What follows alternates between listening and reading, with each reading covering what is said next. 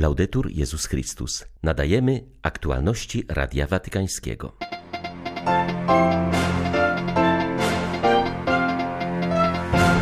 Dzisiaj papież Franciszek obchodzi swoje 85. urodziny. Życzenia przekazują mu biskupi z całego świata, dzieci z peryferii i uchodźcy, którym przywrócił nadzieję na godne życie. Najlepszą odpowiedzią na próbę wyeliminowania Bożego Narodzenia przez sekularyzowaną kulturę jest jego uwewnętrznienie i przywrócenie mu jego istoty, uważa papieski kaznodzieja kardynał Raniero Cantalamessa. Wszyscy porwani w połowie października na Haiti misjonarze odzyskali wolność. 17 grudnia witają Państwa Krzysztof Bronk i ksiądz Krzysztof Ołdakowski. Zapraszamy na serwis informacyjny. Z okazji 85. urodzin z całego świata płyną życzenia dla papieża Franciszka. Konferencja Episkopatu Włoch w liście do jubilata podkreśla, że to słowo wcielone, Duch Święty, światło, nadzieja i radość są słowami, które naznaczają jego pontyfikat i wskazują kierunek Kościołowi. W krótkich życzeniach, które z kolei dzieci z peryferii wysłały do Franciszka, znajduje się cała niewinność, radość i spontaniczność dzieciństwa. Jedno z nich napisało do niego: Dziękuję, że nas bronisz. Ojciec Święty w dniu urodzin przyjął grupę dziesięciu uchodźców, którzy przybyli wczoraj do Włoch dzięki porozumieniu między stolicą apostolską, władzami włoskimi i cypryjskimi, co zostało ustalone podczas niedawnej podróży apostolskiej. Uratowałeś nas, powiedział wzruszony kongijski chłopiec, gdy zwrócił się do Franciszka. Życząc mu długiego życia i dobrego zdrowia, goście podarowali obraz afgańskiego uchodźcy, przedstawiający migrantów próbujących przedostać się przez Morze Śródziemne.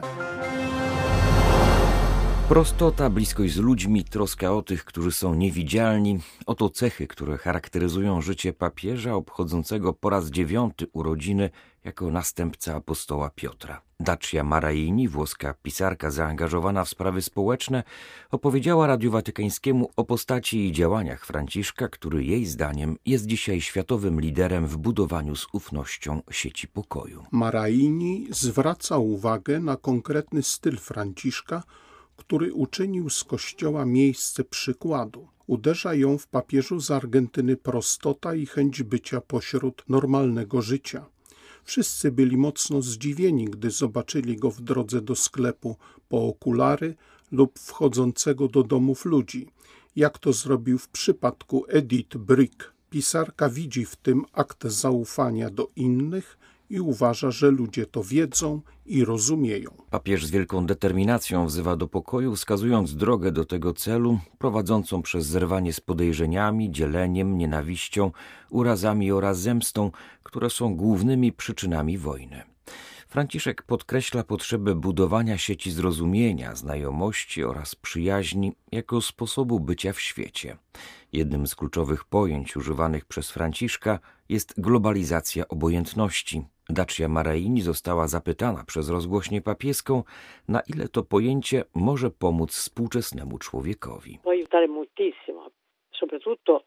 To może bardzo pomóc. Potrzebujemy przykładów. Wszyscy mówią o pokoju, braterstwie, równości, sprawiedliwości, ale potrzebujemy wzorów ludzi, którzy praktykują tę ideę.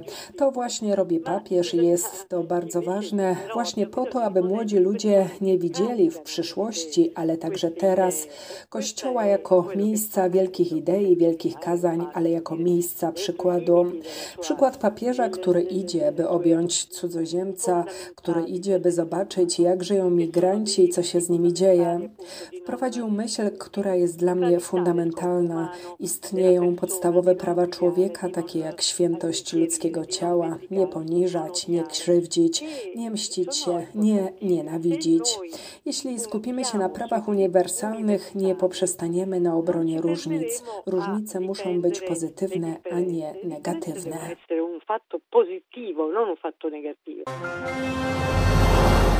Przed rokiem, kiedy podawane były pierwsze szczepionki, wielu miało nadzieję, że dzięki temu już niebawem pandemia się zakończy. Teraz widzimy, że koronawirus na zawsze zmienił nasz świat, mówił Franciszek podczas audiencji dla siedmiu ambasadorów, którzy w ostatnim czasie rozpoczęli swoją misję przy stolicy apostolskiej. Są to przedstawiciele Mołdawii, Kirgistanu, Namibii, Lesoto, Luksemburga, Czadu i Gwinei-Bissau. Franciszek przypomniał, że po raz ostatni uczestniczył w takiej ceremonii nieco ponad rok temu, kiedy świat nadal znajdował się w szponach pandemii, ale na horyzoncie pojawiały się oznaki nadziei, ponieważ podawano pierwsze szczepionki. Papież przyznał, że od tego czasu dokonał się już znaczący postęp, jednakże widzimy, że COVID-19 nadal powoduje wiele cierpienia, nie wspominając o ofiarach w ludziach. Dlatego ważne jest, aby wspólnota międzynarodowa zwiększyła wysiłki na rzecz współpracy, tak aby wszyscy ludzie szybko uzyskali dostęp do szczepionek. Nie jest to kwestia wygody czy uprzejmości, ale sprawiedliwości, powiedział Franciszek. W szczególności mam szczerą nadzieję, że dzięki temu doświadczeniu społeczność międzynarodowa będzie miała większą świadomość tego, że jesteśmy jedną rodziną ludzką. Każdy z nas jest odpowiedzialny za swoich braci i siostry, nikt nie jest wykluczony.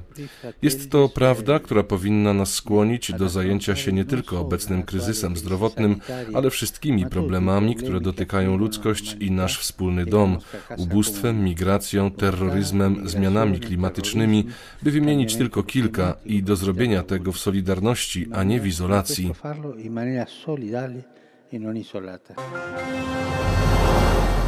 To Maryja związała na zawsze Syna Bożego z ludzkością i historią. Ona jako jedyna może zwrócić się do Jezusa tymi samymi słowami, co Ojciec Niebieski. Ty jesteś moim synem, ja Ciebie zrodziłam.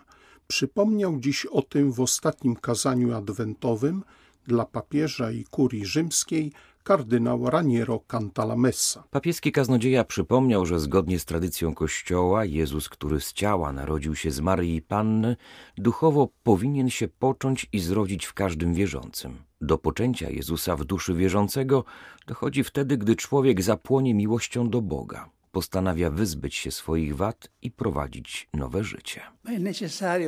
Trzeba jednak podkreślić jedną rzecz. To postanowienie nowego życia musi być bezzwłocznie przełożone na coś konkretnego, na zmianę w miarę możliwości również zewnętrzną i widzialną w naszym życiu i w naszych przyzwyczajeniach.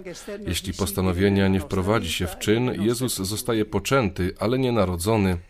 Przede wszystkim spróbujmy wyciszyć w nas samych zgiełk, te toczące się w naszych umysłach procesy w sprawie ludzi i faktów, z których niezmiennie wychodzimy zwycięsko. Przemieniajmy się czasem z oskarżycieli w obrońców naszych braci, myśląc o tym, jak wiele rzeczy inni mogą nam zarzucić. W procesach kanonicznych, przynajmniej w przeszłości, po oskarżeniu sędzia wypowiadał formułę audiatur et altera pars, niech teraz zostanie wysłuchana druga strona.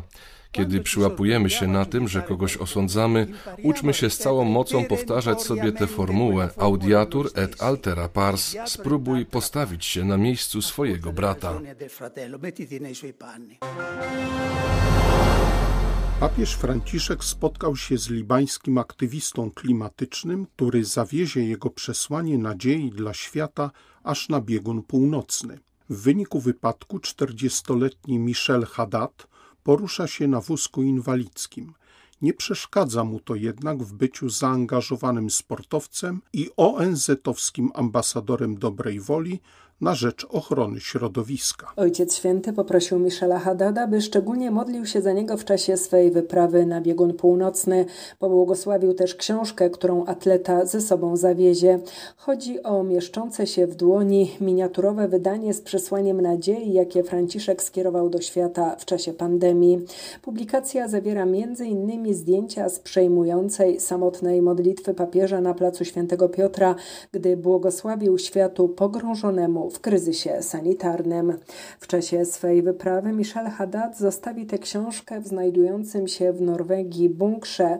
Jest on największym i najbezpieczniejszym schronem, w którym przechowywane są ziarna, przez co stanowi symbol bioróżnorodności naszej planety. Klimatyczny aktywista podkreśla, że poprzez swój gest chce przypomnieć światu o konieczności ochrony stworzenia. Nie możemy nadal bezkarnie grabić i niszczyć naszej planety, która jest już tak schorowana, że z każdym dniem coraz bardziej zbliża się do wózka inwalidzkiego, mówił Michel Haddad po swym spotkaniu z Franciszkiem. Ksiądz Pierluigi Maccali gościł w siedzibie Radia Watykańskiego, którego słuchał na falach krótkich w czasie swojego uwięzienia na pustyni. Włoski misjonarz posługujący w Nigrze spędził dwa lata w niewoli, przetrzymywany na Saharze przez dżihadystów. Jak przyznał, papieska rozgłośnia była jedynym oknem w jego więzieniu. Po rannej audycji zaznaczył, że najpilniejszą potrzebą terenów misyjnych jest dziś pokój. Misjonarz złożył także życzenia papieżowi z okazji jego 85 urodzin. Chwili uwolnienia w październiku 2020 roku ksiądz Macaulay powiedział swoim porywaczom, że wszyscy jesteśmy braćmi. Patrzyłem na tych młodych ludzi z kałasznikowami i myślałem sobie, że po prostu nie wiedzą, co robią. I choć te słowa skierowane były do osób, które nie chciały ich słuchać, to są one jak ziarno niesione przez wiatr, które być może z czasem znajdzie żyzną glebę, powiedział misjonarz w wywiadzie dla Radia Watykańskiego. E Ten dom radiowy stał się częścią mojego życia. Mówię dom, bo w Radiu Watykańskim czuję się jak w domu. Dziękuję Wam z całego serca. Dzięki Wam kolejny raz mogę zapewnić, że pamiętam w modlitwie o wszystkich osobach, które dzielą się ze mną swoim doświadczeniem cierpienia. Mówię tu o migrantach, ale też o osobach dotkniętych przez pandemię. O modlitwę zwraca się do mnie bardzo bardzo wiele osób mają świadomość tego, co przeszedłem i czują, że rozumiem ich troski. Dziś szczególnie modlę się za Ojca Świętego, który obchodzi swoje 85. urodziny. Najczęściej jednak modlę się o pokój na świecie. Zbliża się Boże Narodzenie, a to czas pokoju.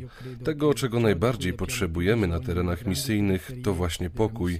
Proszę wszystkich o modlitwę w tej intencji, zwłaszcza za Sahel, gdzie wciąż tak wiele osób doświadcza przemocy, niesprawiedliwości i wojny. Niech to będą święta Bożego Narodzenia pełne pokoju. Di guerra, Natale sia Natale di pace.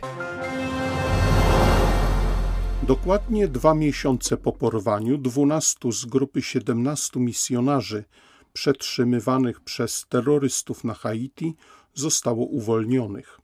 Pochodzący ze Stanów Zjednoczonych i Kanady, protestanci należą do organizacji religijnej, która oprócz głoszenia Ewangelii zajmuje się także działalnością charytatywną, edukacyjną i zdrowotną. Pięcioro przetrzymywanych uwolniono w okresie od listopada do początku grudnia. Wśród nich były kobiety i dzieci należące do rodzin porwanych misjonarzy. Teraz wszyscy znaleźli się na wolności. Dziękujemy Bogu, który wysłuchał naszych modlitw, mówili członkowie wspólnoty do dziennikarzy, którzy towarzyszyli im w drodze na lotnisko w stolicy Haiti Port-au-Prince. Zapewniali, że czują się dobrze i w niewoli nie doznali żadnych obrażeń. Nieznane są za to żadne szczegóły ich uwolnienia. Nie wiadomo, czy zapłacono gigantyczny okup, którego żądali porywacze. Według władz gang Mawozo, który dokonał porwania, od miesięcy działający na Haiti przy granicy z Republiką Dominikany, zażądał miliona dolarów za osobę. Episkopat Haiti od samego początku był zaangażowany w próby uwolnienia porwanych. Biskupi zwracali uwagę, że podobne wydarzenia, coraz częstsze w pogrążonym w biedzie i chaosie kraju, mają także negatywny wpływ na gospodarkę. Episkopat wzywał rządzących i policję do podejmowania odpowiednich środków, aby przywrócić porządek na Haiti i zakończyć falę porwań. Biskupi podkreślali także, że ważną kwestią jest zbadanie, kto zaopatruje gangi w broń i amunicję. Były to aktualności Radia Watykańskiego. Laudetur Jezus Chrystus.